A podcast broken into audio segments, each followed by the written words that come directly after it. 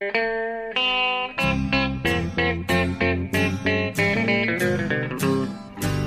out there, we're on the air. It's hockey night tonight.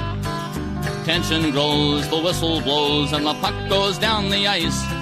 The goalie jumps and the players bump, and the fans all go insane.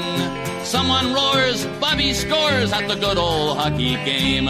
Oh, the good old hockey game is the best game you can name. And the best game you can name is the... Hallå, hallå, hallå, hallå, hallå, hallå, hallå, hallå, hallå. Hallå, hallå och välkomna till NHL-podcasten med Jonathan Onskan Ekeliv som ni just hörde i sin klassiska ramsa från Stockholm och Sweden. Ja. Och jag då, Per Bjurman i Dödens stad, eh, New York som vi kallar den nu. Ja. 15 000 grannar har dött eh, på några veckor, eller en månad i coronavirus. Så vi är, ja, vi är tilltufsade, sargade, knockade. Men vi tänker resa oss på något sätt. Ja, precis. Så jag tycker ändå är fint det som träder fram lite i den här krisen. Folk som, ja, hur ni står på balkongerna och sjunger ihop och jublar ihop och liksom försöker ändå stötta varandra. Ja, ja det, är, det har varit den tuffaste tiden i livet, så är det ju.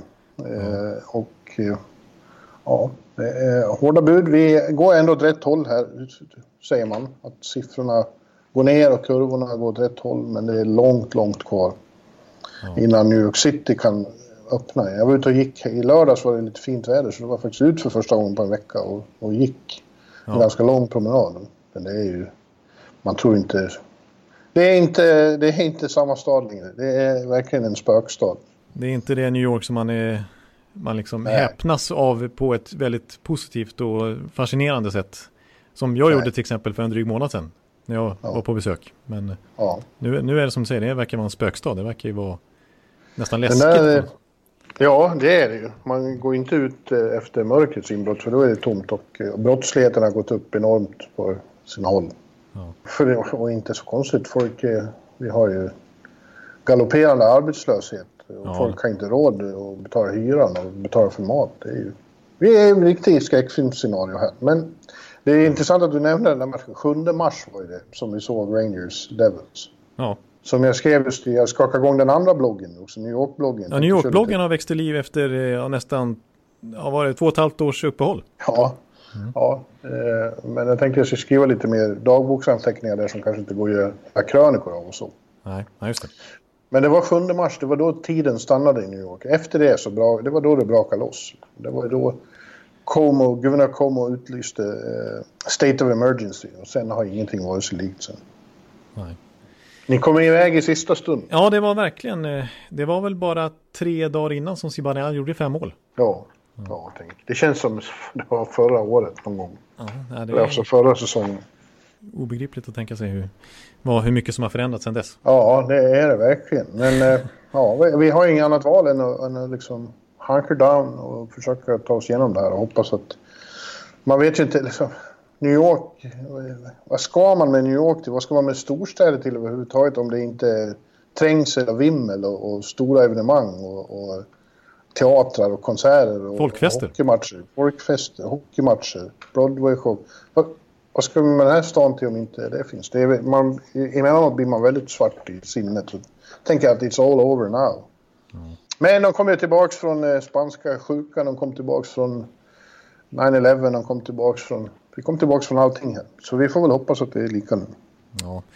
Ja, och jag vill muntra upp dig lite nu och våra lyssnare. För jag tycker, jag tycker att det här avsnittet är väldigt eh, kul. Jag har kallat det för kanske vårens mest speciella i de tider vi lever i just nu. För att eh, nej, nu ska vi faktiskt ta oss an den stora uppgiften, sätta oss på höga hästar och eh, ta ut Sveriges All Star-lag genom alla tider i NHL. Ja, Det är, vad Ja. som, det är vad som väntar i det här avsnittet. Vi kan understryka att det är just NHL. Alltså att de har varit bäst i SHL eller elitserien räknas inte riktigt här. Nej, så att tyvärr Nej. Honken och Och Lillstrimma och, Mats så vidare. Ja, just just det. det. Eh, Men vi har lite annat att tala om. Och Jag ska försöka vara lite mindre, mindre mer Svart. deppig än vad jag lät nu i början här. Det, det lovar jag. Ja, men du kommer bli mer munter ju längre vi kommer in på det. Det är jag säker på. Ja, ja vi, vi, vi försöker med det. Eh, vad gäller eh, nyheter kring hur NHL tänker göra eller försöker göra eh, så har det hänt lite. Man har ju helt övergivit den här planen vi pratade om för ett tag sedan. Man pratade om att spela på neutral plan. Att de tittade på North Dakota och Montana och sådana ställen där det har varit väldigt eh, lite smittspridning. Då. Ja, Men det den... har man övergivit eh, ja. för, det, för det skulle inte fungera logistiskt. Och, och, det finns inga hallar där, där man lever upp till NHL-standard. De har ju ett visst system med belysning och sånt. Liksom. Ja. Mm. Istället nu då, så senaste planen är eh, en, en, en idé någon gång i sommar, juli, augusti med fyra grupper. Mm. här pratar vi om att spela färdigt eh, grundserien alltså. Man hittar fyra städer där det finns logistik eh, och möjlighet till isolering för de som kommer att vara inne i den här bubblan. Mm. Mm. Toronto sägs det nu. Eh, jag hör Vegas, eh, om Vegas finns kvar då. Dallas? förlåt. Da, ja, förlåt. Ja, Dallas har nämnts också. Mm. Det ska finnas väldigt stora hotell och väldiga eh, möjligheter till att hålla alla inblandade liksom, isolerade. Ja, precis. Och så ska man då spela, och man kommer ju överge allt vad i så fall vad, vad säger, tabeller heter, wildcard och sånt här kommer att försvinna. Det kommer att vara eh, de som är geografiskt närmast varandra på något vis. Ja, ja alltså först snackades det om att man ska ha en stad per division liksom. Ja, ja, ja precis. Exakt. Per division. Ja. Det är fyra divisioner. Men, men inte nödvändigtvis så att man kommer ta Eh, alltså om det passar bättre med två städer som råkar ligga i samma division så blir det så. Då får liksom Metropolitan åka till Central säger vi. Alltså det, det blir de fyra städerna som man anser vara mest lämpliga. Ja, ja, det kan inte mer bli så då att det passar mycket bättre att ha Tampa, Carolina och Nashville i samma grupp. Liksom, för ja, det är närmast så. Exakt. Ja. Vilka städer återstår att se? Jag, jag hörde också att det nämndes Edmonton som en eh, lämplig... Ja, fast det small till i helgen. De fick en jävla utbrott där. Så det kan vi nog glömma. Precis, och de, de gick ut, eh, deras liksom borgmästare och så vidare där att eh, nej, vi förlänger den här karantängrejen över sommaren. Alltså max 15 pers per ja. evenemang och då går det ju inte att ha ett NHL-slutspel där. Så att... Nej. Nej, men eh, det här, eh, allt det här bygger ju på ingen publik och som jag då gick och inbillade mig att media kanske fick komma, men det kommer inte vara någon media heller. Det kommer vara de som har rättigheter och så. Tv-rättigheter typ. Ja, och det kommer alltså testa stenhårt och när man väl är inne i den där bubblan så kommer man inte att få komma ur den. Nej. Förrän man är utslagen då. Spelarna kommer att isoleras på hotell. Och de som ska gå hela vägen om det blir slutspel på det här, det blir ju fyra månader på hotell. Morsning korsning. ja, det är verkligen vilket otroligt märkligt och annorlunda scenario. Det är knappt så att man kan kalla det för NHL. Nej, ja, jag, jag tycker det här låter som... Och så, och så räcker det med att liksom någon eller enstaka blir smittad igen, då, då faller ju alltihop. Ja. Något Precis. lag liksom, det sprids för tre, fyra killar. Ja. Nej, då kommer det vara ohållbart och fortsätta med samma system. Liksom. Då kommer de bara få lägga ner alltihopa. Men de är väldigt angelägna tydligen om det här. Och, och, och blir det då så då blir det ett tv-evenemang. Och så i och för sig då, så utsvultna som vi är nu så skulle vi se varje sekund. Ja, det är väl det de hoppas på som sagt. Jag nämnde ju Pierre LeBruns siffra i förra veckans podd att de pratar om att i sponsoravtal, i tv-intäkter framförallt, så skulle det kanske kunna prata i slängarna runt 400 miljoner dollar i intäkter för NHL på det här slutspelet med det här upplägget.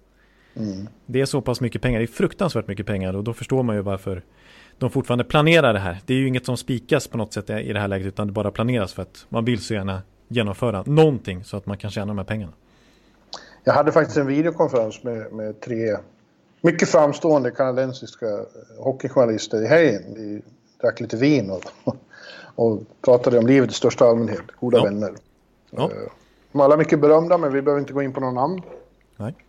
Eh, men då kommer vi in på väldigt mycket av det här. Och alltså, det finns ju både worst och best case scenarios här. Alltså det, men som jag förstår det är högst otroligt att eh, i oktober att nästa säsong börjar då med publik på läktarna. Det, det är nästan att glömma. Ja. Att de, ja. de, de, de tror snarare på en halv säsong och att den börjar i typ januari om allt går bra.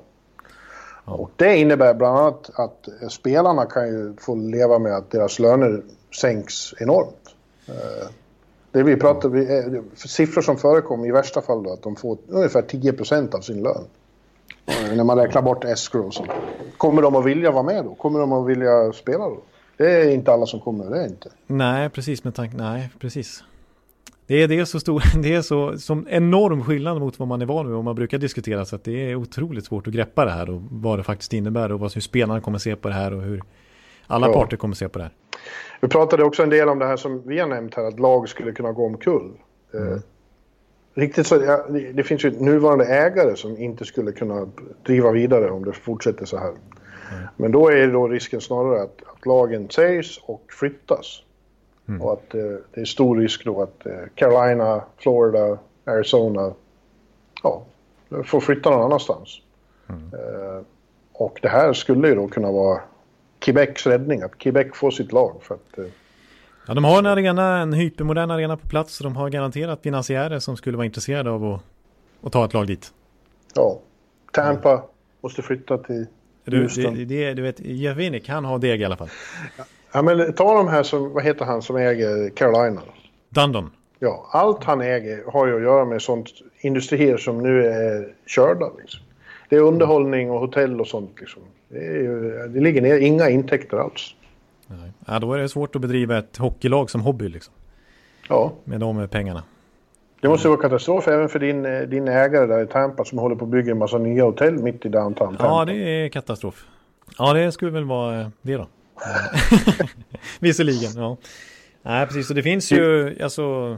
Houston Lightning, kommer du hålla på dem? Ja, alltså jag skulle precis säga det att Houston, eh, deras NBA-ägare där har anmält intresse för att ta över ett NHL-lag och har ju arena och så vidare på plats. Och en enorm marknad där, visserligen inte ett typiskt hockeynäste, men det har vi sett att det kan ju bli lite överallt ändå. Så att Houston är väl mycket troligt alternativ för liksom ett, som ny destination om ett klubb skulle behöva flytta på sig. Houston Lightning, vi kör på dem. Hörru, nu, nu tappar jag helt sugen på att prata om just det här ämnet. Men... Nej, vi, vi, får, vi får eh, vi, vi, det är bara spekulationer, allting eh, om det här. Men man ska ha klart för sig att det är, det är, det är en jävligt allvarlig situation för NHL. De har aldrig varit i närheten av något så här illavarslande. Nej, verkligen inte.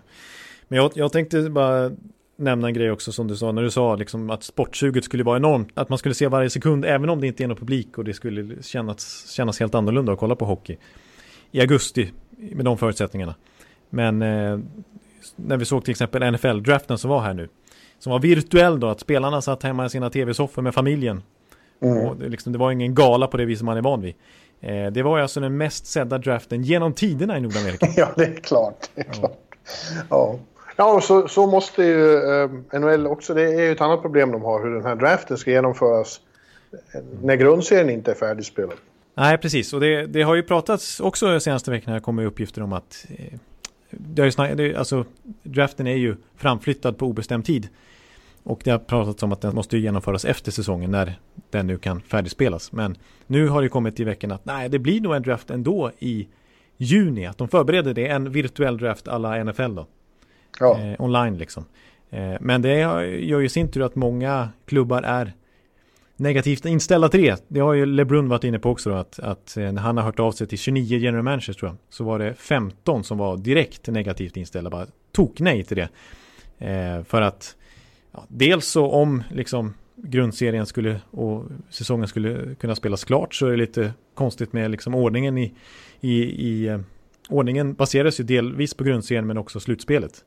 Och mm. vissa lag som är utanför slutspel nu men som har en teoretisk chans att gå in i slutspel, till exempel Islanders, Rangers, Vancouver. Då skulle de under samma säsong kunna vinna både draftlotteriet och Stanley Cup.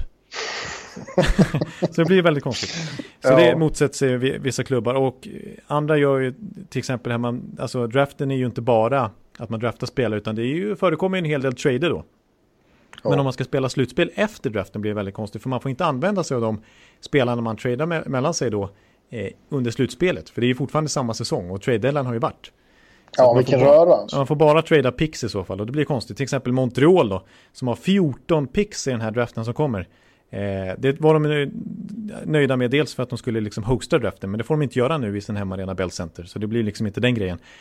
Och ändå så hade de tänkt sig, snackas det om att trada en hel del av de här valen mot spelare för att liksom ta sig ur sin rebuild, eller sin rebuild on the fly nu och börja satsa igen. Och liksom, men då kan de inte använda, alltså det blir jättekonstigt att trada picks och grejer när man inte får använda spelare liksom. Ah, det blir, ah, ni, ni hör röran, det blir väldigt konstigt. Ja. Så ja, men eh, ja, något måste de ju göra. Det är väldigt svårt att vänta med draften också tills i, i augusti-september. Vad fan. Ja, precis. Så det blir väldigt tajt där om de hoppas kunna få igång säsongen någorlunda på utsatt tid liksom. Nästa säsong alltså. Så att det... Nej, det är en väldig röra. Så på ett sätt förstår man varför de planerar att ändå genomföra draften i juni ändå. Ja. Jag tycker de kan ta och, och följa slutspelet som pågår i NHL-bloggen istället och så utgå från det.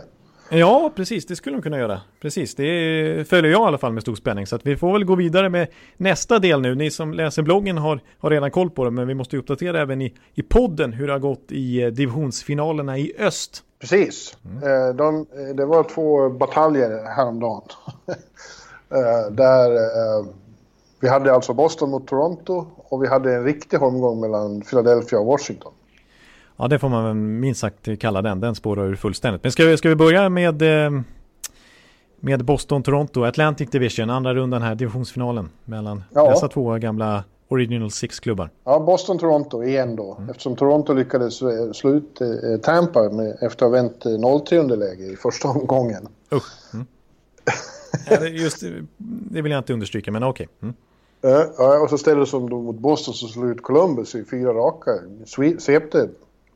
Ja, eh, och det hade Brad och kompani och hela Boston tänkt sig att det, det ska bli som vanligt. Vi ska slå ut eh, Toronto. Men nej.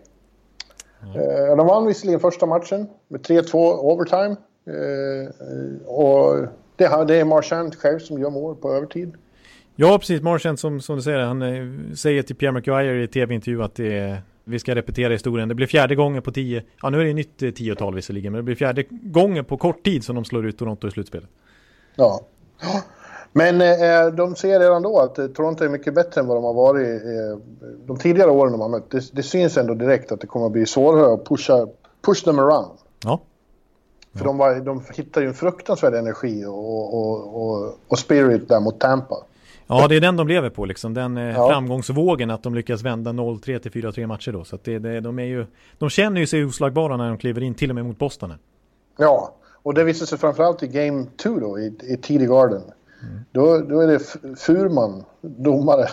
Ja, alltså, du, du, du omnämner det eftersom det låter nästan som Bjurman.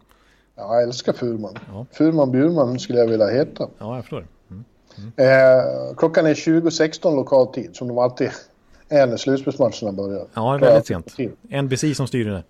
Ja, och då tar det åtta sekunder så störtar William Nylander fram och, och, och gör mål. Ja, det är ju vansinnigt. Och till slut så vinner de med, med eh, 4-0 den här matchen. Nyllet ja. gör ett till. Doc Emrick säger “My goodness”. ja, det är inte första gången. Nej, ja, så blir det fest på bar i North End. Så kommer de till eh, Toronto, Game 3. Game 3. Ja. Eh, då vinner Toronto igen, 4-2. Ja. Eh, Bruins har inga vapen mot den unga energin, mot ettrigheten, mot fantasin eller mot Nilnhället. Han gör ett av sitt livs matcher, prickar själv in två mål assisterat till de övriga två. Det låter som att han är ungefär lika dominant som han var i hockey-VM här för ett år sedan ungefär, vid den här tiden för, för ett år sedan. För då var det ju faktiskt så att han slog ju Nisse Nilssons poängrekord i eh, en VM-turnering bland svenskar. Det låter som att han är minst lika het i det här Stanley Cup-slutspelet. Ja, och nu håller han med. Han brukar inte tala i så stora bokstäver efter matchen. Men nu, nu håller han med bloggen där uppe i, efter matchen i, i Big Smoke. Jag mm. håller med. Så här bra har jag aldrig varit sen. Nej, Nej det verkar så. Mm. Match fyra blir jämnare. Boston bjuder, bjuder tillbaks eh, bättre. Eh, eh, de stänger ner, men som du skriver ett sms mitt under matchen. Rädslan för att förlora är större än hungern att vinna. Min förnumstig Ekeliv konstaterar. Ja, jag brukar skriva något sånt när det är under Tampa-serier faktiskt. Ja, ja. det är men 1 -1 realistiskt. 1-1 mm. står efter full tid och i, i, långt i nio minuter in i overtime 2 så är Charlie McAvoy dum nog att dra på sig en utvisning och så avgör John Tavares. Ja. Kaptenen. Ja, så nu har, eh, alltså, nu har de ledning med 3-1 inför Game 5 i TD Garden. Oj, oj, vilket superläge. Mm. Ja, men då blir de darriga eh, och det, de får mjukost i knäna.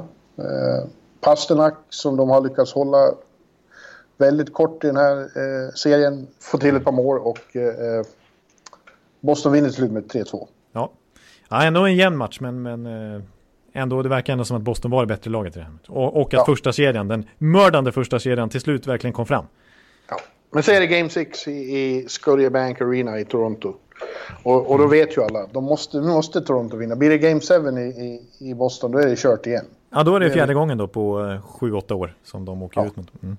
Ja, nej. Men eh, det går bra. Toronto hittar tillbaks, de börjar nervöst nu också, men sen hittar de tillbaks till sitt eh, vägvinnande spel igen. Smythe-nyllet som han kallas. Ja, jag ser att han kallas det för det i bloggen här, att han är ju helt överlägsen. Mm. ja, ja. ja så Toronto vinner eh, Game 6 med 3-1 och för första gången sedan 2002 klara för konferensfinal. Ja. Ja, det är ju en dunderskräll. Alltså jag som inför säsongen tippade faktiskt att Boston skulle gå till final igen. Och eh, så som det sett ut i grundserien, när, när- när stoppet kom här i mars så ledde de ju med 6-7 poäng grundserien och kändes stekheta inför det här slutspelet. I, i ditt slutspel och, och det som vi tar som verkligt här nu va. Eh, Så att Ja. jag trodde på dem också nu va, men eh, nej, Toronto verkar... Det är den där Tampa-serien tyvärr som har gjort att, att de eh, kliver fram nu som en supercontender alltså. Och lillnyllet. Mm. Ja. ja, det är stora grejer på gång i Toronto. Och det, är, det blir som festival på stan efteråt. Så vi kommer inte ens in på The Keg, vårt gamla ställe. Vi får gå hem till Pierre LeBrun och efterfest står det. Ja, jag ser det. Det står att Jonathan Lindqvist dansar sönder ett bord hemma hos eh, LeBron ja, också. Ja, ja, ja. Det låter realistiskt. Ty-. Typiskt honom. Ja. Ja, så har vi Washington Philly då. Och eh, som jag konstaterade, det talas sällan om rivaliteten mellan dem, och den, men den finns där. Och den exploderar ju redan i Game, game one. ja, alltså det här är, det var mycket i förra veckan när vi pratade om Calgary Edmonton som spårade ur. Eh, när det Ja. kastades in korvar på isen och sånt där. Men det här är ju något helt annat. Ja, jag skrev att det är mer som första perioden där i, i betongbunkern är mer, vad står det här? Mer raggarkravaller på campingen i Rättvik på 70-talet än en hockeymatch. Ja, Eh, ja, se det händer hur mycket som helst. Hagelin rycker ut Robert Häggs tandskydd och slänger upp på läktaren. ja. Claude Giroux är lika med TJ Oshis hjälm och sen smäller det, bänkarna rensas och det slåss så mycket som helst. ja. Publiken är i uppror och flera av stammisarna bakom hemmabåset försöker själva ta sig ner på isen. Men de stoppas av Kalle Johansson som brukar sitta där.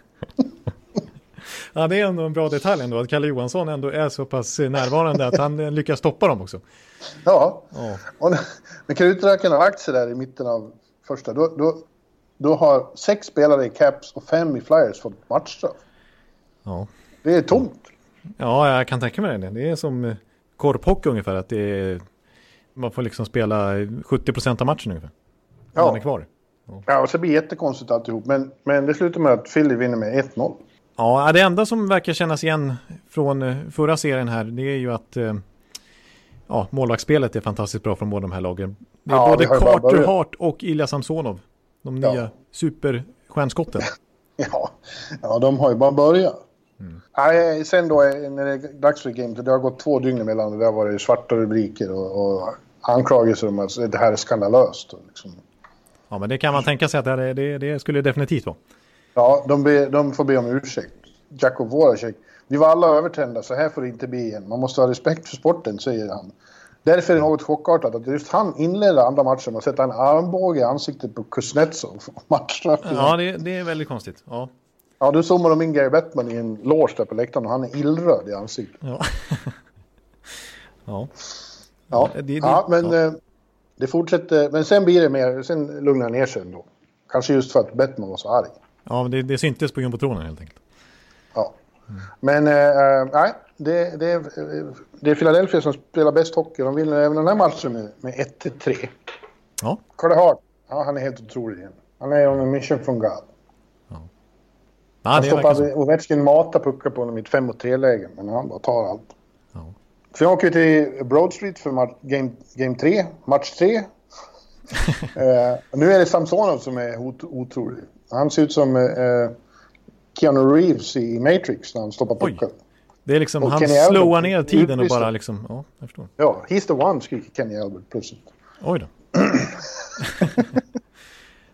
ja, men det Ja. verkar nästan så eftersom sagt jag ska återupprepa det från första runden. Alltså att han hade en nolla i den serien mot Carolina när han tog 57 skott. Ja. Så att Ila Samsonov är i form, det kan vi stryka under. Ja, ja eh, så det blir bra om ett mål och det, det, det här händer ju. Det är väldigt upprört i Philadelphia att till slut vinner Washington med 2-1 på ett mål som, som eh, Lars Eller har sparkat in och det är ganska eh, uppenbart att eh, det är det. Men Toronto godkänner i alla fall. Eh, matchen avgjorde kastas in örmuggar, program, snusdosor och till och med ett par mobiltelefoner hagade ner på isen. Ja, Men framförallt på presskonferensen efteråt är badtofflan Vigneault helt vansinnig. Ja, det verkar... Alltså han, är- han var ju Någon sur. vill, oss, någon vill oss illa sen och tar sig en sko och slänger i väggen. Ja, ja, då är det en tydlig markering ändå. Alltså. Då vill man göra ett statement på presskonferensen om man, om man tar av sig skon och kastar den i väggen. Ja. Det är grafiskt. Ja. Så det game... det där snappar ju Flyers-fansen upp, så det är game 4. Så är det jättemånga som kommer till Wells Fargo och har en udda sko med sig. Och sitter och just det. viftar med. Ja. ja, det är en bra gimmick ändå. Ungefär som Ja. det kastas in råttor eller eh, sådana Ja. grejer. Mm. Ja, nu har de tagit badtofflans sko och, och så. Ja. Men det är ju en otrolig målvaktsmatch igen. Det står, det står 0-0 efter två perioder och båda två har tagit 40 skott. Ja, det är, då är det ingen liksom tät match på det viset. Eh, alltså att de backar hem båda lagen. Utan det är 40-40 skott. Efter Ja, två perioder, då är det, då är det nästan rättvikshockey där igen. Alltså. ja. Trickshockey, ja. Men eh, en bit in i tredje då kan Giro, Giro lägga fantastisk passning från Couturier och lägga den i tom kasse. Då regnar det in skor på isen. Ja. Ja, ja. Mm, mm. Det kan jag tänka mig. ja. Men det blir overtime här också. Och eh, Connectney. Ja. Orlov dräller med pucken på blålinjen. Connectney snor den av honom och avgör ganska fort. Ja. Så då har vi eh, 2-1 till eh, Philly och Tudson, stora Capitals-fanet i bloggen. ja. Han rapporteras ha slängt en sten genom rutan på Bergqvists skor i Norrköping. Oj Han han agerar på det viset. Han är arg med det där med skorna. Okej. Ja, just det. Det är hans Ja. sätt att avreagera sig.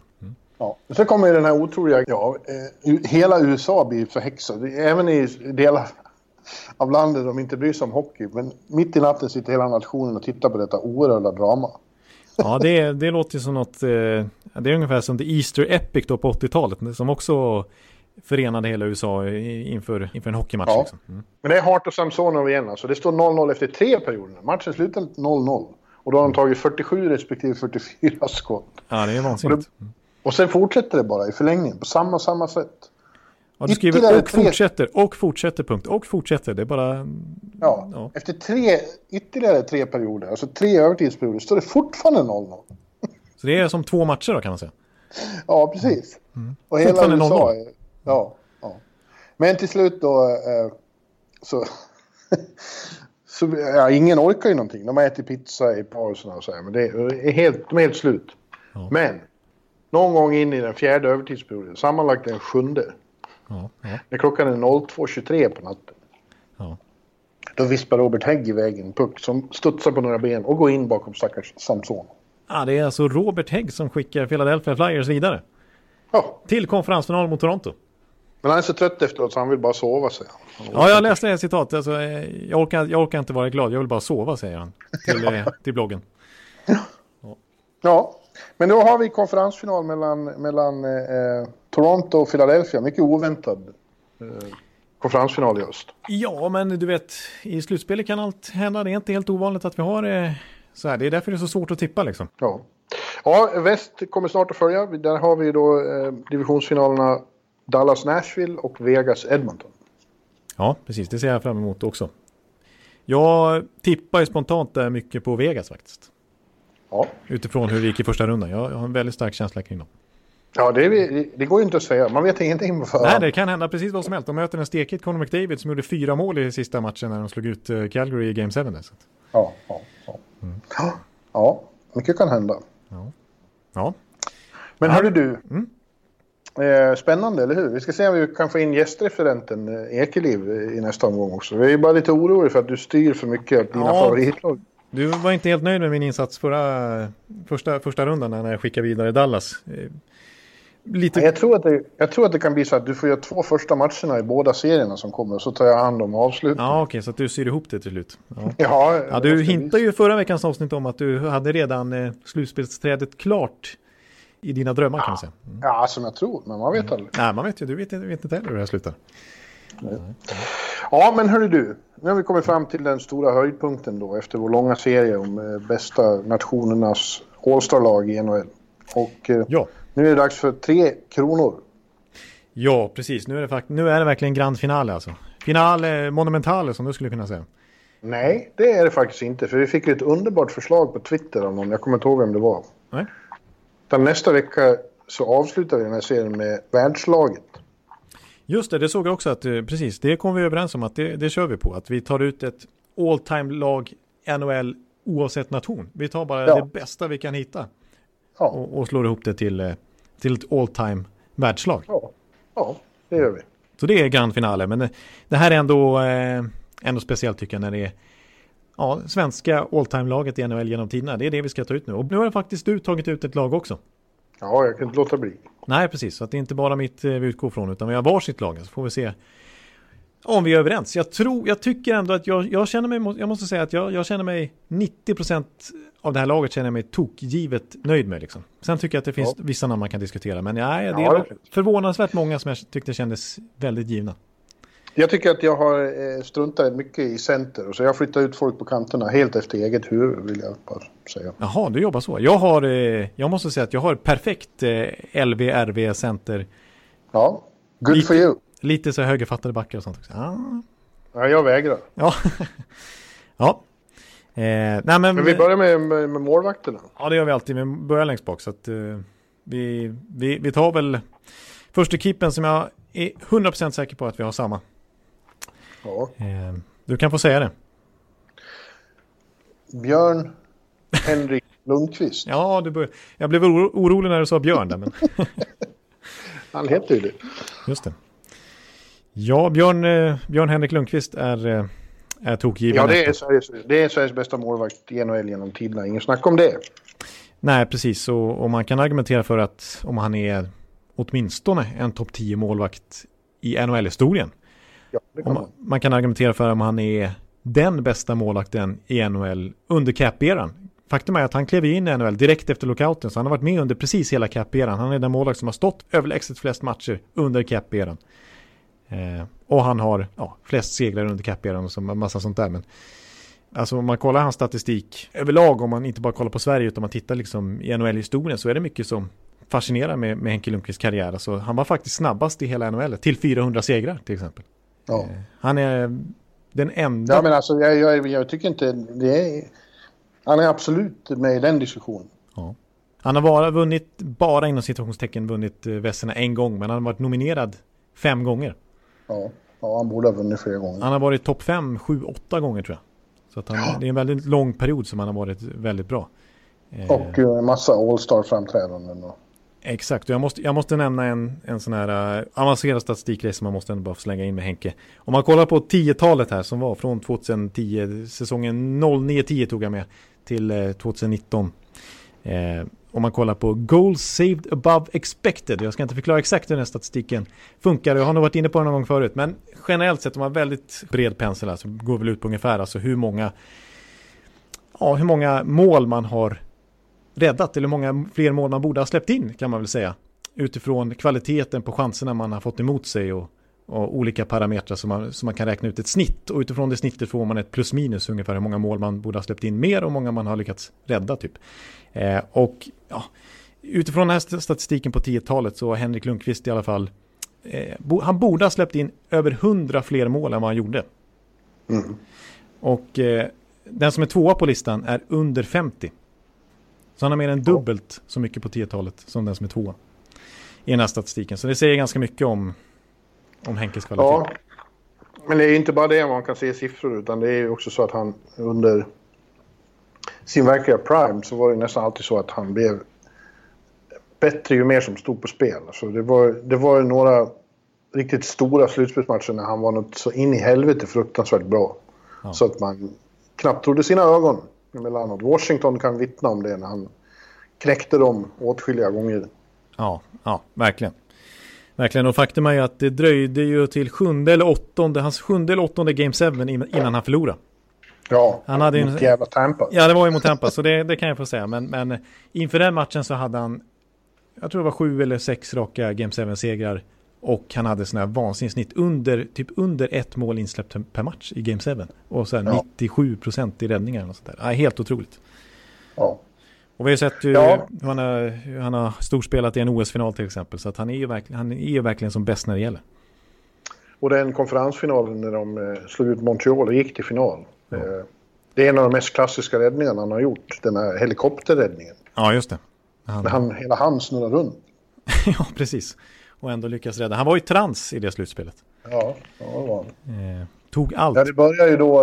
Det började, de låg ju under med 3-1 mot Pittsburgh där. Och så gick Martin St. Louis mamma bort och allt vände. Och när jag var nere där i Game 7, det var också en av de absolut värsta insatser jag sett. Eh, de ledde Game 7 med bara ett mål. Och ja. Pittsburgh tryckte på något så oerhört i slutet. Ja. Eh, men han bara stoppade allt. Ja. Nej, han var ju faktiskt helt otrolig i det slutspelet. Det var väl hans peak kan man säga karriären mellan 2010 och 2014, 15 någonting. Ja, ja. Då, då, var, han, då var han ju definitivt bäst i världen. Carey Price kan utmana lite grann eh, några säsonger där. Nej, nej Henke är verkligen... Det är, en, en, det är väldigt en... tråkigt att det inte lär bli någon Stanley Cup. Eh, det var det sista. Det enda han inte har vunnit som han har drömt så mycket om. Ja, ja det är synd. Men nu är det så att det, om jag får nämna nummer två här så är det så att han hade mycket väl kunnat vara med i samma slags diskussioner om inte inträffade en tragedi så att han hade gått bort i förtid. Nej. Och det är ju Pelle Lindberg då. Jag har definitivt Pelle Lindberg som nummer två också. Ja, det måste man ju nästan ha. Han, han vann ju faktiskt också en Vessin. Det var ju en så otroligt tyvärr kort karriär. Han spelade bara vad var det, fem och en halv säsong eller var det fyra och en halv säsong? Ja, eh, han, han var i alla fall verkligen på toppen av sin karriär när den här dödsolyckan var framme. Ja. Eh, han, hade alltså vunnit, han var alltså regerande Vesna Trophy-vinnare då. Det var ju hösten 1985 som han gick bort i den här tragiska dödsolyckan när han kraschade med sin Porsche. Tidigt ja. på morgonen då hade det varit lagfest för eh, en materialförvaltare där i Philadelphia. Ja. Han hade precis skrivit på ett nytt sexårskontrakt. Philadelphia hade tio raka segrar vid det här laget. Han var 26? Eller var han 28? Något sånt. Ja. Så att han var verkligen på sin peak alltså. Han var otroligt, han var liksom bäst i laget. Det var otroligt tragiskt. Ja, det var det. Ja. En detalj man kan slänga in där. Jag, ja, eh, apropå dagens NHL. Rick Tockett, tränare i Arizona, som ni vet. Han skulle varit med i, i eh, sportbilen där som Pelle Lindberg körde efter den där festen. Och hänga på. Men det var ju för trångt i den där lilla Porschen så att han lyckades inte knö sig in. Så att eh, han, han tog en taxi istället. Ja. Och så gick det som det gick det. Ja, det skulle Pelle ha gjort också. Det var ja. hemskt, hemskt tråkigt. Men det var en, en, en han hann ju på den där korta tiden göra sånt enormt intryck i Philly. Så de är ju, han är ju fortfarande liksom ikon där.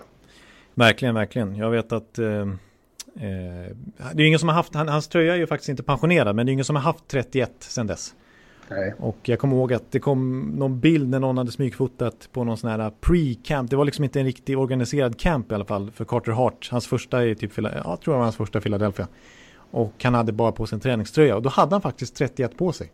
Och det blev ju ramaskri på Twitter bland Flyers-fansen. Carter Hart, du får wow. absolut inte ta nummer 31. Nej. Mm. Så var ja, det. så var det. Ja, sen har vi den mer, mer eh, diskutabla tredjeplatsen då. Jaha. Ja, jag tycker inte den är så diskutabel faktiskt. Jag, jag tar eh, ut Tommy Salo. Ja, så du tar Tommy Salo. Jag har tagit en annan.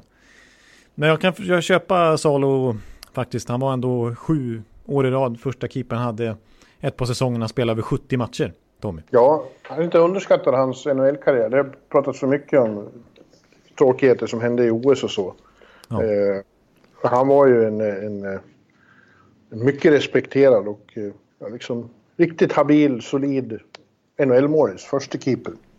Ja, precis, exakt. Och, eh, det kan vi understryka också att vad som hände till exempel i Salt Lake City räknar vi inte med den här bedömningen för att det är bara NHL-prestationer som det här ja. NHL All-Star-laget eh, utgår ifrån. Ja, och det var ju bara den där olyckliga saken som hände då. Eh, I övrigt så gjorde han inga större fel i Salt Lake City heller. Nej, precis. De slog väl Kanada med 5-1 eller något sånt där. Ja. Ja, det, men det är ju remarkabelt att en enda liten... Ja, det var inte ens en miss, det var ju bara oflyt. Liksom. Det var eh, konstigt. Var det. Ja, ska, ska liksom definiera en hel... Och så, så ska det inte vara. Han hade ju en eh, desto bättre OS-räddning, prestation där 94. Kan... Men det räknar vi inte heller, nu pratar vi om NHL. Exakt, precis. Men vem har du då?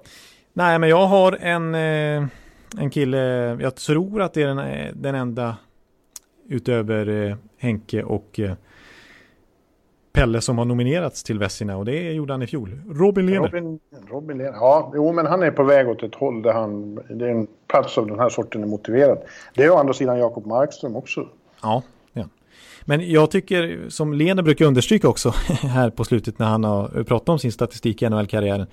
Och som jag håller, håller med om, alltså det är inte bara nu på sista två åren som han, han har varit bra. Även om det har han spelat i bättre lag och det har blivit mer synliggjort, hans prestationer liksom. Men Eh, de senaste fem åren, sedan 2015, det är bara en målvakt i hela NHL som har bättre räddningsprocent på de fem åren och det är Ben Bishop. Han är, han är topp 10 i NHL i räddningsprocent på hela 10-talet. Och jag menar, då har man stått majoriteten av de åren i Ottawa och Buffalo. Ja. Så att... Eh... Ja, ja. ja, ja, jag protesterar inte väldigt. Jag vill däremot vilja lägga till namnet bara som fjärde målet för mig. Hardy Åström. Colorado Rockies. Ja, då, han hade ju ganska kort, kort NHL-karriär. Men han, det är ju en, eh, det är en eh, kulthjälte på något vis. Han eh, stod i Sveriges Canada Cup-lag 76. Ja, just det. Då var det Hardy från Skellefteå som stod där.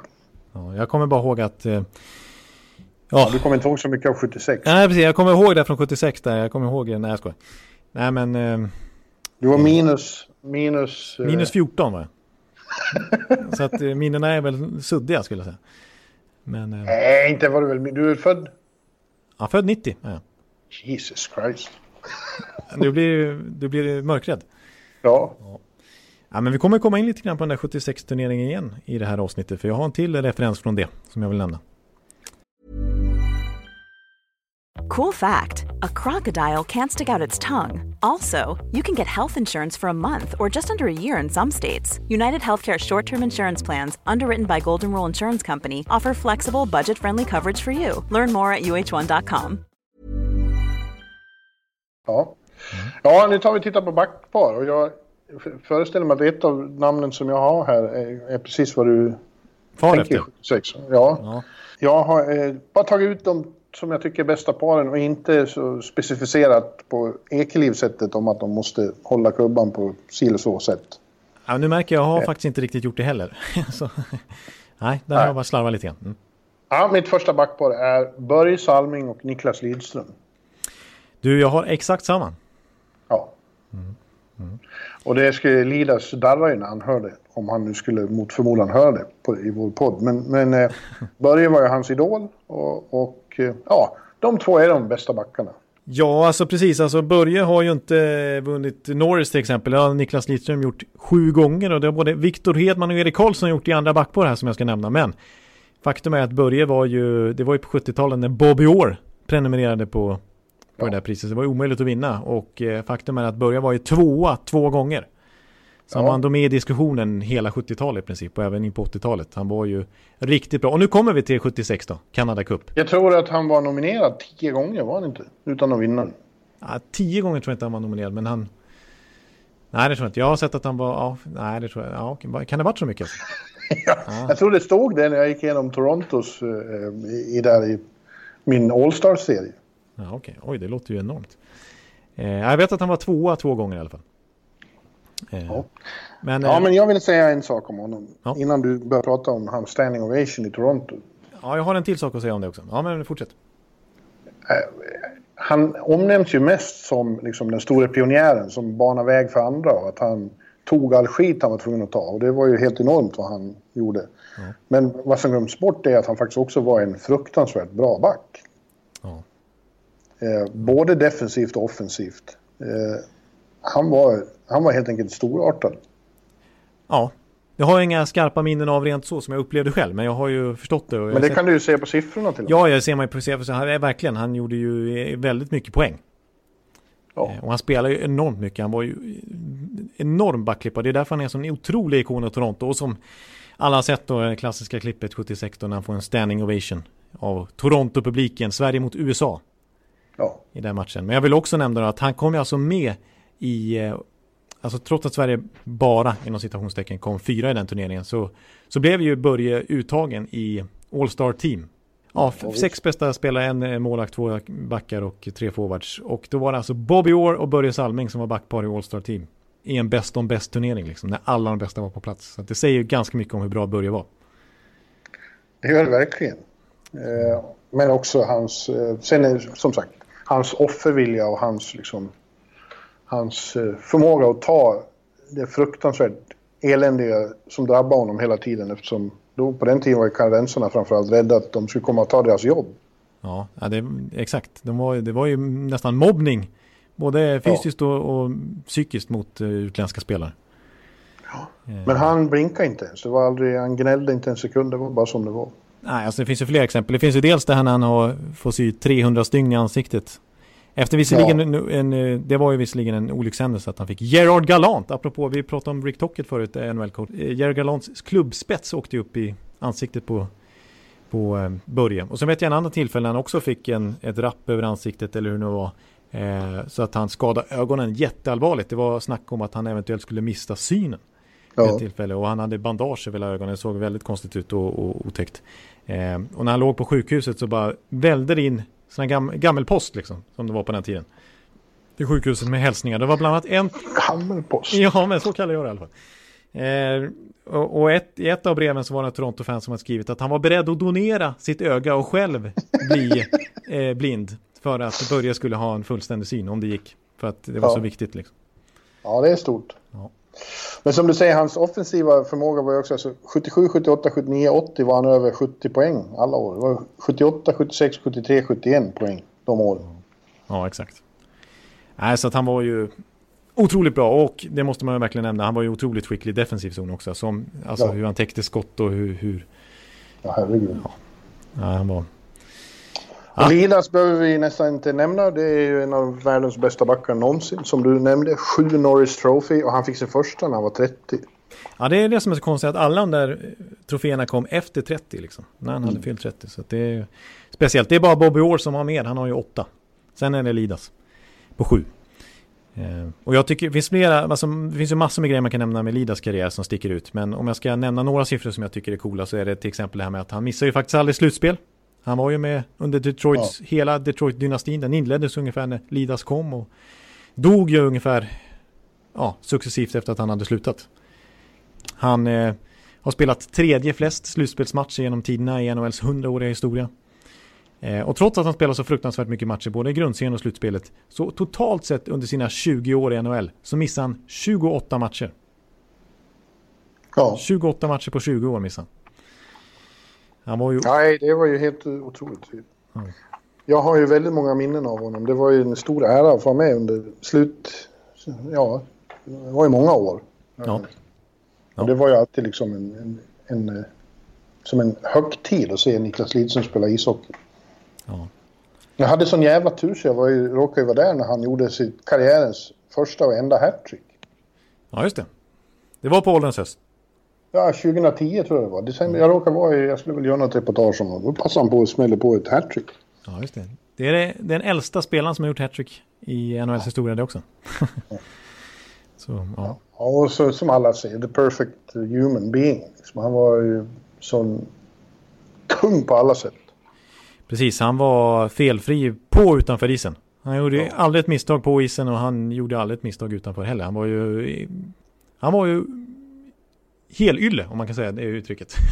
Han var, ja, han var alltid trevlig, alltid sympatisk, liksom alltid vänlig och ödmjukt inställd till vem man än mötte. Ja, fullständigt, fullständigt. Det har jag väl berättat många gånger när jag kom dit första gången 2006 inför OS.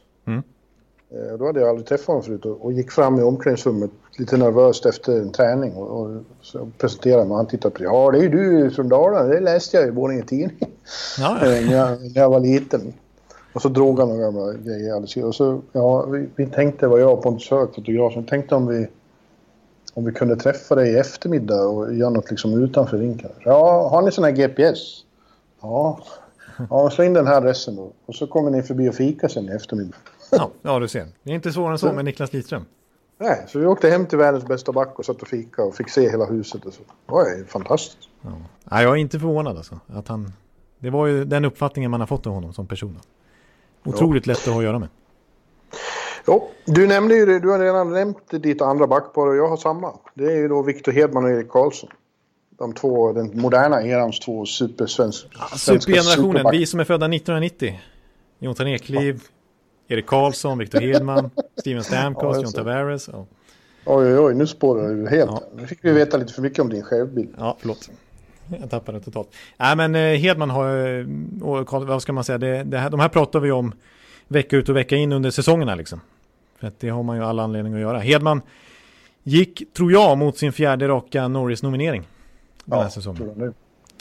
Eh, Erik Karlsson har vunnit två Norris Trophy. Han gjorde in, gick inte mot en ny Norris Trophy-nominering den här säsongen, men totalt sett över karriären så är han ju... Ja, han omnämns ju som en av, faktiskt som en av tidernas bästa offensiva backar. Ja, det är ingen tvekan om det. Nej. Alltså, vi kommer ständigt tillbaka till slutspelet 2017 var det väl. Ja. Eh, när han höll på att bära Ottawa till Stanley Cup-final på egen hand. Några av sekvenserna då, passningarna han slog, matcherna han gjorde var ju liksom unfucking believable. Ja, precis. Och när hans egen general manager Pierre Dorian säger att på den åttonde dagen skapade Gud Erik Karlsson. Ja. Ja, och det gjorde han på en fot. Han var ju skadad samtidigt. Ja, han hade ju fruktansvärt ont så att han hade ju egentligen bara en duglig fot då. Ehm, och bara för att understryka hans poängsnitt, alltså han ligger på drygt 0,8 i poängsnitt under NHL-karriären. Och det är bättre än till exempel spelare vi kommer komma in på bland forwards. Det är bättre än bröderna Sedin, det är bättre än Mika Zibanejad, det är bättre än Marcus Näslund. Och han är back. Ja, ja. ja det är otroligt. Mm. Men de här som sagt, de pratar vi så mycket om och Viktor, eh, hela ligan eller majoriteten i ligan tycker att han är svåraste backen att spela mot. Två år i rad har han av spelarna själva blivit utsedd till den svåraste backen att möta. Mm. Ja. ja, de är ju två av samtidens eller golden, golden, Swede, golden Swedes. Ja, återigen födda 1990. Okej, vi går vidare. Ja, nu kan jag lova att jag har ett eh, tredje backpar som du inte har. Jag har skojat till det lite. Du har skojat till det. Jag skulle säga att jag sa att jag var nöjd med 90% ungefär av truppen. Och här är tredje backpar tyckte jag var otroligt svår. Jag hade en bruttolista på kanske 15 namn. Och jag är fortfarande inte riktigt nöjd med de två jag valde ut. För jag tycker man kan... Jag pendlar från minut till minut. Men jag har valt två namn till slut. Vill du börja eller ska jag börja? Börja du. Jag har tagit två defensiva superklippor. Ja, okej, okej. Ja, jag till slut så landar det vid eh, Kalle Johansson och Stefan Persson. Ja, men det är, nog, det är nog det som är korrekt som det egentligen ska vara. Mm. Mm. Tror jag. Men, men som sagt, jag går en annan route och säger bröderna Samuelsson. Oj, du tar Big. Kjell och Tuffe Uffe. Tuffe Uffe och Big Kjell bildar tredje backpar med. Det gör jag med för att de var sådana enorma karaktärer och är sådana enorma karaktärer. Ja, men tänk dig det, den backuppsättningen att möta. Mr Perfect Human, eh, Niklas Lidström och sen så den tuffaste NHL-spelaren kanske genom tiden, i alla fall europeen, Börje Salming. Och sen så Hedman som är dagens mest svåra back att möta enligt spelarna själva. Och sen så Big Kjell och Tuff Uffe i tredje backpar. Ja, är... ja vilket gäng. Vilk... Ja, det är ett sjukt gäng alltså. Vilket... Ja. ja du... men, Kalle, men Kalle och Stefan, är, Stefan var ju en kugge där. Delade svenska rekordet i Stanley Cup-vinster. Var med alla fyra åren när Islanders vann och var, var liksom en, en enormt bra back där för dem. Och Kalle har ju, var ju liksom en evighetsmaskin i Washington. Han gjorde ju 15 säsonger där och var ju ständigt en bärande spelare i det laget faktiskt. Kanske ja. inte var bästa backen hela tiden. De hade ju en otrolig backsida ett tag där men han var ju, han är ju en ikon där. Ja. I Washington. Eh, så därför eh, tog jag honom. Eh, och så, Stefan Persson, jag vill också bara nämna det, så det var ju ett tag där i början av 80-talet, eh, dynastin alltså, när de vann fyra raka Stanley Cups. När deras powerplay var helt dödligt, där med Brian Trottier, Mike Bossy som vi pratade om i Kanada-avsnittet, Clark Gillis, Dennis Potvin och Stefan Persson på, back, på backen som stod och bombade på. Eh, en säsong gjorde de 93 powerplay-mål, varav Stefan, Stefan Persson var på isen vid 86. Wow. Att. Eh, det var rätt... Eh, Ja. Battling Billy Smith i målet. Ja, precis. Eh, exakt. Public Enemy Number One kallades han av motståndarlagen. Ja, han har otroligt mycket utvisningar. Ja, han var, han var ju en fullblodsgalning höll jag på att säga. Ja, men han var normal under grundserien och sen vart han svinbra i playoff. Och, och vann alltså fyra raka Stanley Cup, samma målvakt. Ja. Det var ju i princip samma lag hela bunten. Ja. Så visst, ja, det tillkom det Thomas Jonsson och lite svenskar där med åren, men men eh, det var samma kärna hela tiden. Ja, och, Uffe och Kjelle. eh, ja, som sagt, bröderna Samuelsson säger man fast de inte var bröder. Men de vann ju en cup ihop i Pittsburgh. Just det. gjorde de. Och de, är, ja, de är idoler för mig, så jag kan inte låta bli. Uh, Big Kjell, när han kom hit så sa de det är svårare att runda Manhattan än Kjell Samuelsson. Ja, ja det är ett bra citat. Mm. Ja, nej, men de var svårspelande och de var, de var, det var Börje Salming-karaktär på de två, minst sagt. Ja, det är riktiga karaktärer. Ja.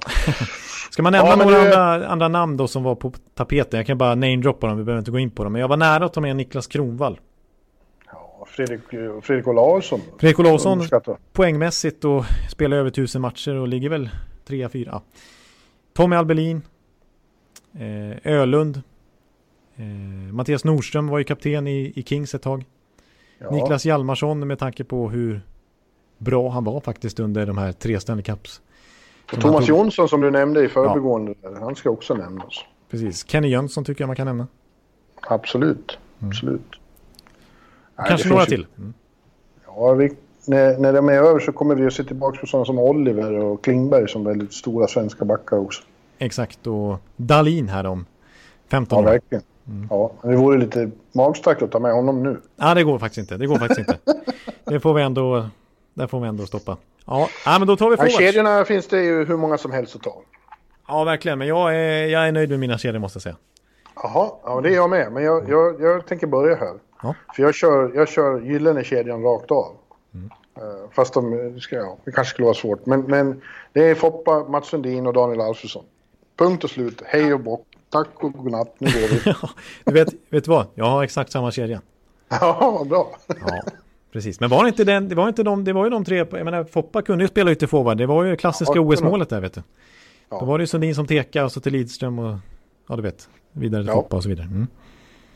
Ja men visst, det, men det är ju den gyllene generationen de och, och Lidas och eh, evig diskussion om vem som egentligen var bäst, det är så svårt att mäta för, och de var så bra på olika sätt. Eh, mm. Men eh, ja, Foppa som ju vi träffade här precis innan allting gick åt helvete. Han som var med i podden då till och med. Ja, fan vad härligt det var. Vilken tid. ja, det var en fantastiska tider vet du. Och jag kommer ändå fram till, alltså, när man, man mäter högsta nivå när de var som allra bäst. När, när, när, Peter var som, stod på toppen av sin förmåga, då tror jag han är den bästa hockeyspelaren som Sverige har haft.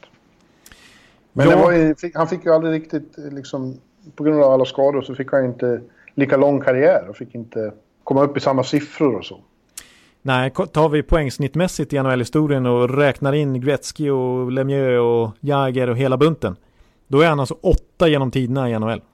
Ja. Peter Forsberg. Så att han är ju verkligen där uppe bland NHLs bästa spelare någonsin. Och jag håller med dig där, alltså hans högsta nivå. Det var ju någon period där när han vann Hart Trophy, när han vann Stanley ja. Cup, när han vann Cons, eh, Consmite, vann han väl?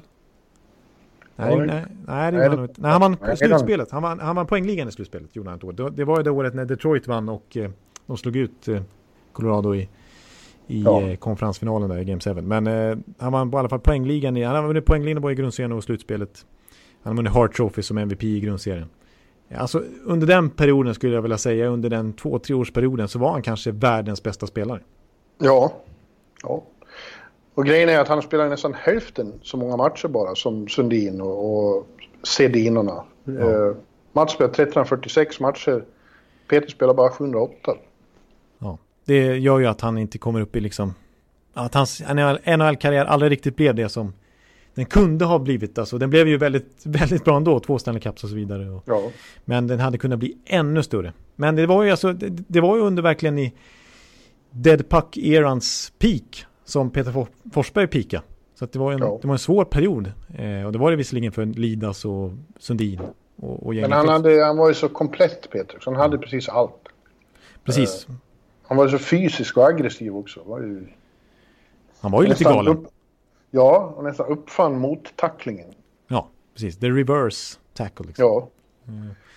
Och det var ju Men samtidigt, eh, ja. Det var väl delvis lite det som kostade honom alla skador. Alltså att han var så pass, han spelade så pass hårt och, och var så pass aggressiv tillbaks när folk som gav sig på honom. Så att mm. eh, det kostade väl honom lite grann också den spelstilen. Men ja, alltså jag måste bara nämna en cool grej som ni kanske har koll på men som man är värd att minnas tillbaka till. Alltså när, när han, han sprack, hans, hans mjälte sprack ju alltså. Eh, och var på mitt under slutspel. Eh, var på han missa hela säsongen därpå. De vann ju Stanley Cup det året, eh, 2001. Efter att eh, spräck, eh, mjälten hade spräckt. Men då, då missade han hela, hela säsongen därpå. Han kommer tillbaks till slutspelet nästa år. Han har inte spelat en enda grundseriematch, inte spelat på ett år. Och kliver in och vinner eh, slutspelets poängliga. Från att inte ha spelat hockey på ett år. Ja, hej. ja Sundin är det ju samtidigt så med då att han eh, spelade i upplagor av Toronto som väldigt ofta var väldigt dåliga. Eh, ja. Han var ensamma riddaren uppe där, men lyckades ändå vara en av ligans absolut mest framstående centra år efter år efter år. Ja, precis. Och om man jämför med andra Toronto-spelare så återigen, alltså, det är en klubb som har funnits under hela NHL-historien, så den är ju 100 år gammal. Och Mats Sundin har gjort 200 poäng fler än någon annan i Toronto-historien. Och ja. över 100 mål fler. Så att, ja. Eh, det säger ju lite I ett original six-lag. I ett original six-lag. Så att uh, han var rätt vass. Och, han, han var ju, sett i hockey var han ju en slags genetisk fullträff. Liksom. Han, hade, han hade allt som man ska ha för hockey. Ja. Med sig från början. Liksom. Han hade längden, storleken, styrkan, eh, hjärnan, handleden. Han hade allt.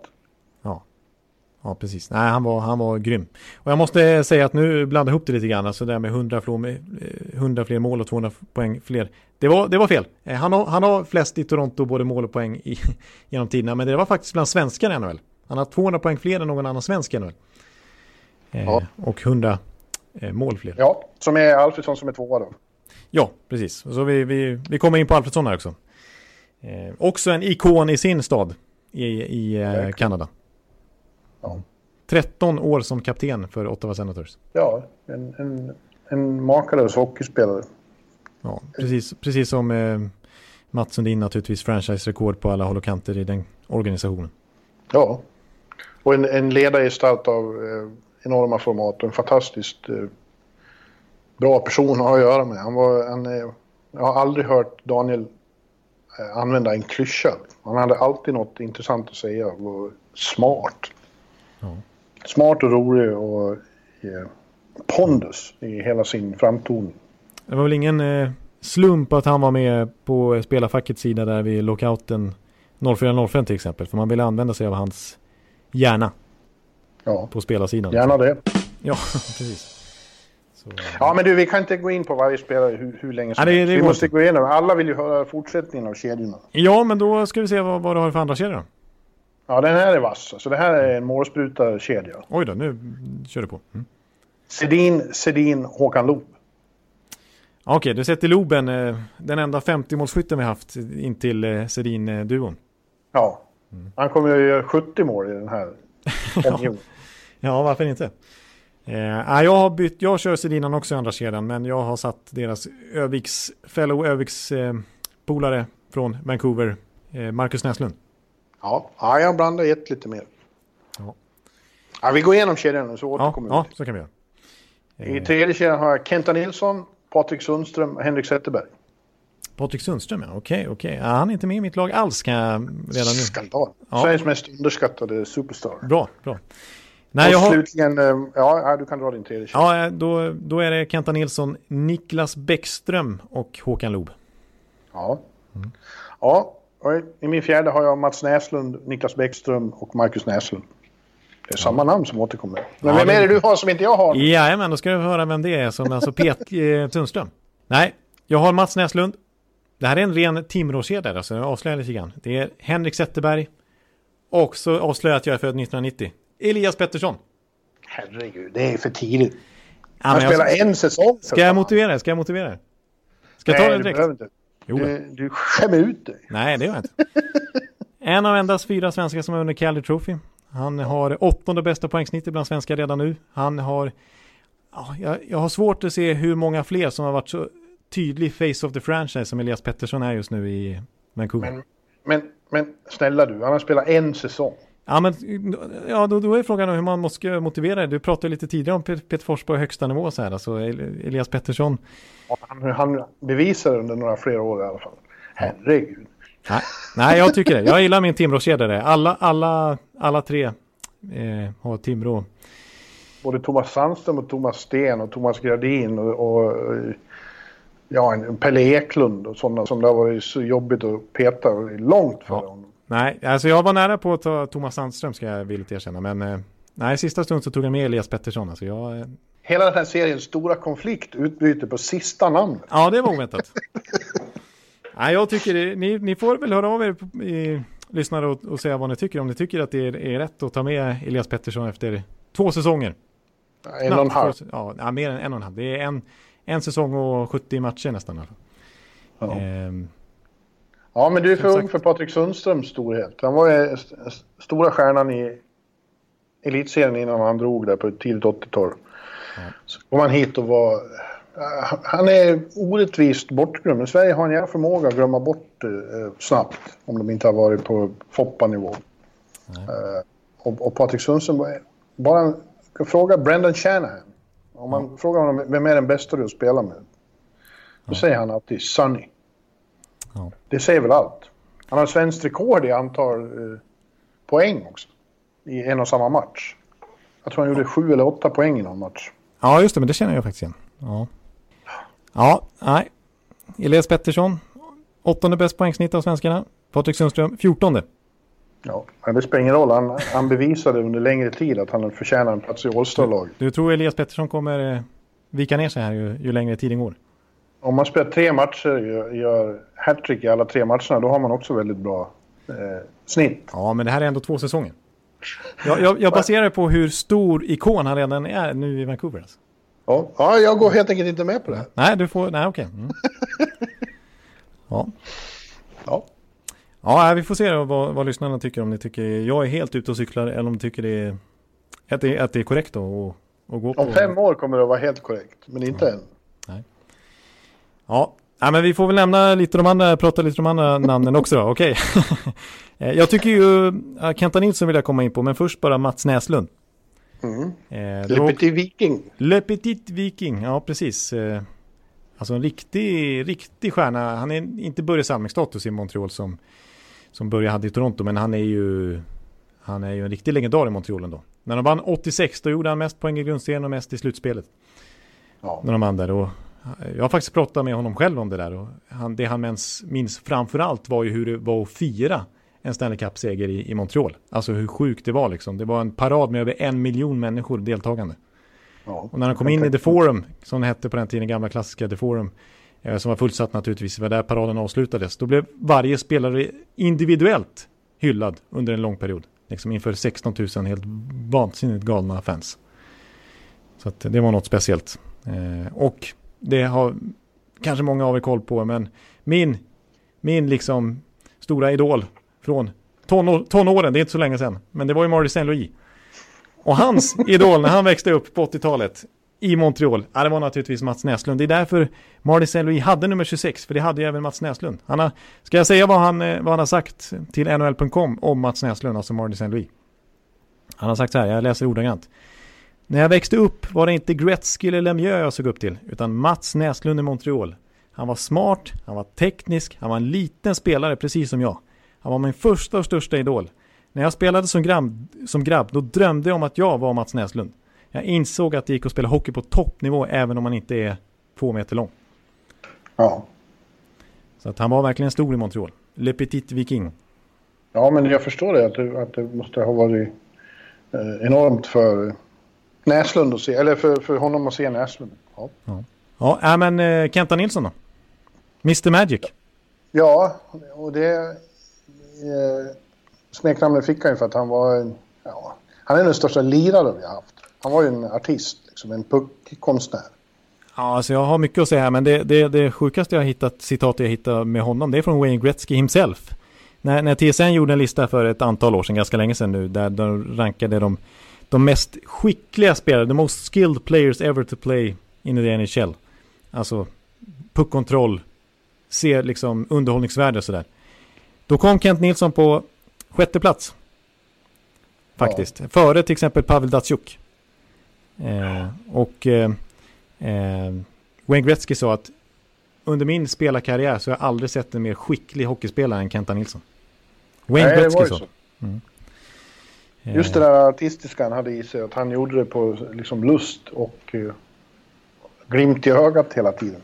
Det var Precis. inte så jävla allvarligt för Kenta. Nej, precis. Och apropå bokstavligen glimt i ögat så lever det än idag i, i Calgary. Han spelar ju sex år i Calgary. Det var där han började sin NHL-karriär. Eh, Nej, han började i Atlanta Flames. Ja, Atlanta Flames var det ett år. Precis ett år först och sen så blev det Calgary. Men i Calgary i alla fall så, så blev man utmanad av lokala tv-stationer där att han skulle träffa ribban från mittlinjen med ett slagskott. Så de radade upp fem puckar där. Du får fem försök på dig att träffa ribban med slagskott härifrån. Det är ju långt. Liksom, det är svårt att träffa. Kenta Nilsson, han träffar på första försöket, blinkar in i kameran och lämnar isen. och ja. det, det, det, än idag alltså så har de eh, The Kent Nilsson Crossbar Challenge i, i, eh, i Calgary. Alltså man kan se klipp när eh, Johnny Gaudreau och Sean Monahan och dagens stjärnor gör bort sig i den där. De lyckas ju inte med fina dyrgripar, kompositklubbor för 2000 spänn prickar ribban från, från mittlinjen medan eh, Kent Nilsson gjorde på första försöket med en träkäpp. Liksom. Ja. Så att, eh, han var skicklig. Ja. Enormt. Mm. Ja, en stor idol. Det, det, måste jag också säga. Det, det fastnade jag för. Det hade jag inte koll på att det var så pass. Jag sa ju att Peter Forsberg hade åttonde bästa poängsnittet i NHL genom tiderna. Nia är Kent Nilsson. Han är snäppet bakom Peter Forsberg. Snäppet före Phil Esposito, Guy Lafleur och Joe Sakic. Och du sa Lafleur med franskt ute? Lafleur. Lafleur. Mm. ja. ja. Ser. Ja, det är tur jag har dig så jag får någonting att skratta åt. Ja, ja det är bra. Det är bra. eh, ja. eh, men vad skulle jag säga, nu kommer jag av Ja, han är den som har varit närmast Lobs rekord också. Han gjorde 49 ett år. Just det. Precis, och sen eh, ja, om vi ska gå vidare då så kan vi säga att eh, Marcus Näslund gjorde ju 48. Ja. Mm. ja. En av alla Öviks killar i det här laget. Ja, det är rätt många. Får se. Eh, Hedman, Forsberg, Sedin, Sedin. Ja, Marcus Näslund. Och Näslund. Ja, det är ju ändå rätt många för att vara ett svenskt all time-lag. Liksom. Ja, får se vad är de ifrån. Vi har Lidas, eh, alltså Avesta, Västerås. Mm. Salming, Kiruna och Gävle. Hedman är Övik. Erik är Småland och sen Frölunda. Mm. Uffe Kjelle är Leksand. Uffe från Fagersta först, Kjelle från Tingsryd. Och då ligger de extra varmt om ditt hjärta förstås.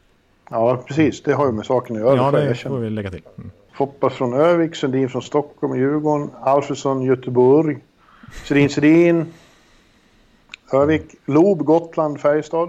Eh, Kenta i Stockholm är också, så det heter duga. Ja. Patrik Sundström, Ume. Ume. Ja. Eh, Zäta, Sundsvall-Timrå, Mats Näslund, Sundsvall-Timrå, Bäckis, Gävle och Marcus Näslund. Eh, Övik. Övik. Och så, ja. och så, och så din felaktiga Ånge spelade där. Jajamän vet du, Elias Pettersson va. Och sen hade jag med Kalle Johansson är väl väldigt göteborgare han med. Ja, och det är han. Men han spelade eh. i Björklöven innan han försvann hit. Ja, just det. Jag hade ju dessutom med Stefan Persson som precis som Sundström är från Ume.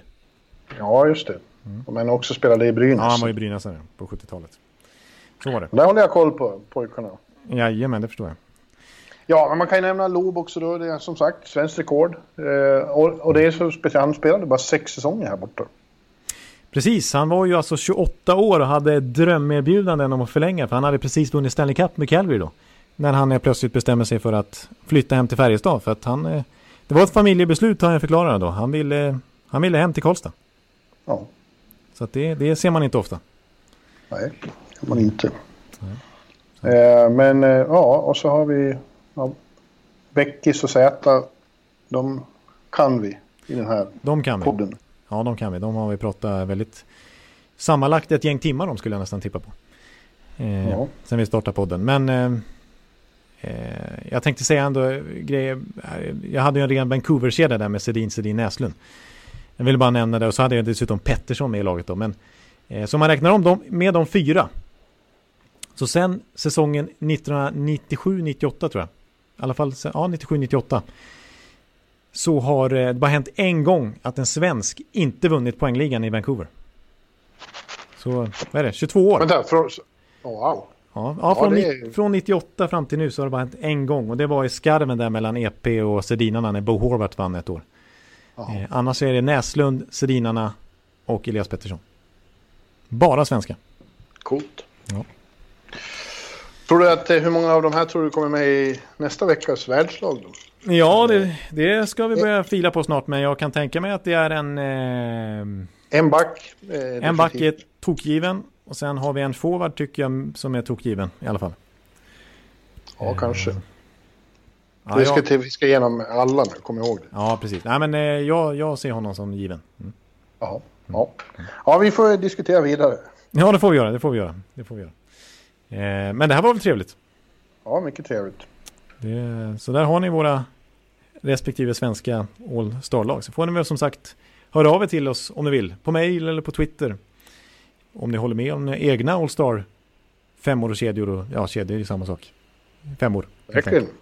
Ja. Hit us hard. Ja, jag gör det. Precis. Och kritisera eller beröm. Beröm gärna mitt Elias Pettersson-val där. Tryck till Bjurman eller på att säga. Nej då. Hallå där. Hallå där. Ja. Nej, men vi, vi, eh, vi hörs nästa vecka. Då blir det all-time-laget helt enkelt. Yes. Tack och bock och hej. Ja, tack och bock. Hallå, hallå, hallå.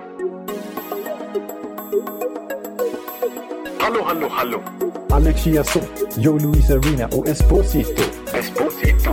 Uttalsproblem, men vi tjötar ändå. Och alla kan vara lugna, inspelningsknappen är på. Bjuder Hanna Kohl, han är grym i sin roll. Från korrespondenten har han fullständig kontroll på det som händer och sker. Det blir ju allt fler som rattar in hans blogg. Och lyssna på hans podd. One, two, time, speed, so Hallå, hallå, hallå. One, two, time, speed, so Hallå, hallå, hallå. Ekeliv, som är ung och har driv. Verkar stor och stark och känns allmänt massiv.